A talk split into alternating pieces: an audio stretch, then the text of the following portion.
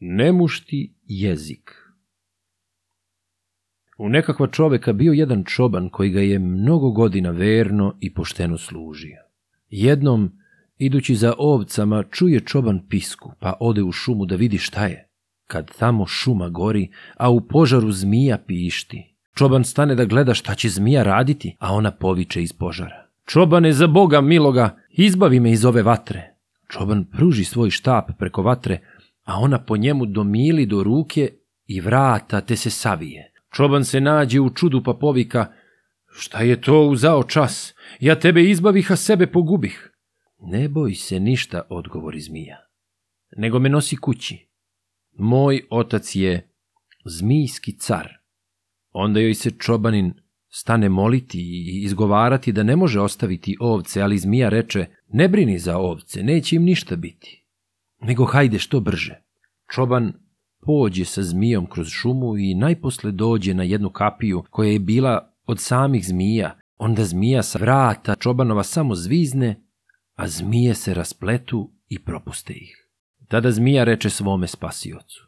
Kada dođemo u dvor, moj otac će ti davati šta god zaišteš, srebra, zlata, dragog kamenja, ali ti ne uzimaj ništa, nego traži nemušti jezik. On će se dugo zatezati, ali će ti najposle dati. Kad dođeše u dvor, otac plačući zapita kćer šta se zbilo, a ona mu sve po redu kaže.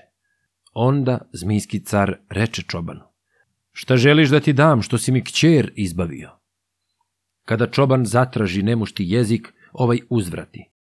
Nije to za tebe, jer ako ikada nekom odaš tajnu da znaš taj jezik, odmah ćeš umreti nego traži šta god hoćeš drugo. Na to čoban odgovori. Ako ćeš mi što dati, daj mi nemušti jezik. Ako li mi ne daš, meni drugo ne treba. Čoban pođe, a zmijski car ga onda vrati govoreći. Stani, hodi ovamo kad baš hoćeš. Zini.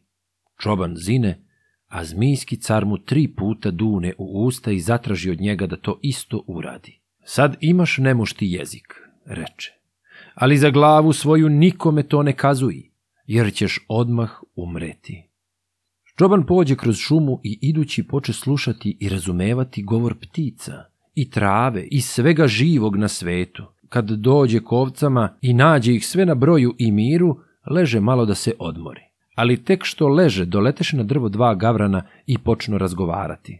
Kad bi znao ovaj čoban da ovde gde leži ono šilježe ima u zemlji puno zlata i srebra – Čoban, kad čuje to, ode svome gospodaru te mu kaže, a gospodar dotera kola pa otkopaju i natovare blago i krenu kući. A kako je gospodar bio pošten čovek, on da Čobanu sve blago govoreći, evo sinko, ovo je sve tvoje, pa načini sebi kuću, oženi se i živi. Čoban uzme blago, načini kuću, oženi se i uskoro postane najviđeniji čovek i gazda. Jednom pred Božić reče on svojoj ženi, spremi vina i rakije i svega što treba, pa ćemo sutra ići na salaš da nosimo pastirima, neka se i oni provesele. Kad sutradan odu na salaš, onda gazda uveče kaže svim pastirima. Sad jedite, pijte i veselite se, a ja ću biti kod stoke svu noć. I tako gazda ode i ostane kod stoke. Kad je bilo oko ponoći, kurjaci zaurlaju, a psi zalaju. Kurjaci govore svojim jezikom. Možemo li doći da učinimo štetu, pa će biti mesa i za vas? A psi odgovaraju. Dođite da bismo se i mi najeli.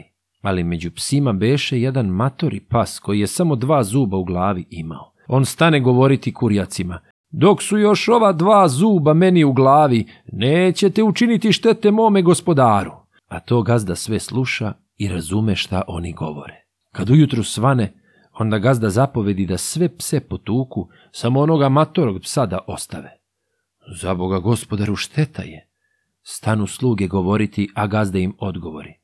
Što rekoh to da učinite? Onda se otpravi sa ženom kući. Pod njim beše konj, a pod ženom kobila. Idući tako čovek izmakne napred, a žena zaostane. Onda konj pod njim zarže i veli kobili. Ajde brže, što si zaostala? E, lako je tebi, odgovori kobila. Ti nosiš jednoga gospodara, a ja troje. Nosim gazdaricu i u njoj dete, a u sebi ždrebe. Na to se čovek obazre i nasmeja, a žena to opazi pa brže obode kobilu. Stigne čoveka i zapita ga zašto se nasmejao. Ni zašto, samo onako, odgovori čovek. Ali ženi ne bude to dosta, nego saleti muža da joj kaže. I što se više on branio i izgovarao, ona je sve više navaljivala. Najposle čovek reče da će umreti ako joj kaže. A ona opet, ni za to ne mareći, navali sve više govoreći da drugčije ne može biti nego da joj kaže. Kad dođu kući, čovek odmah naruči mrtvački sanduk i kad bude gotov, metne ga pred kuću i reče ženi. Donesi komad hleba te podaj tome psu. Žena donese i baci pred psa ali ovaj ne htede da ni da pogleda. Onda petao dođe i stane kljuvati komad hleba.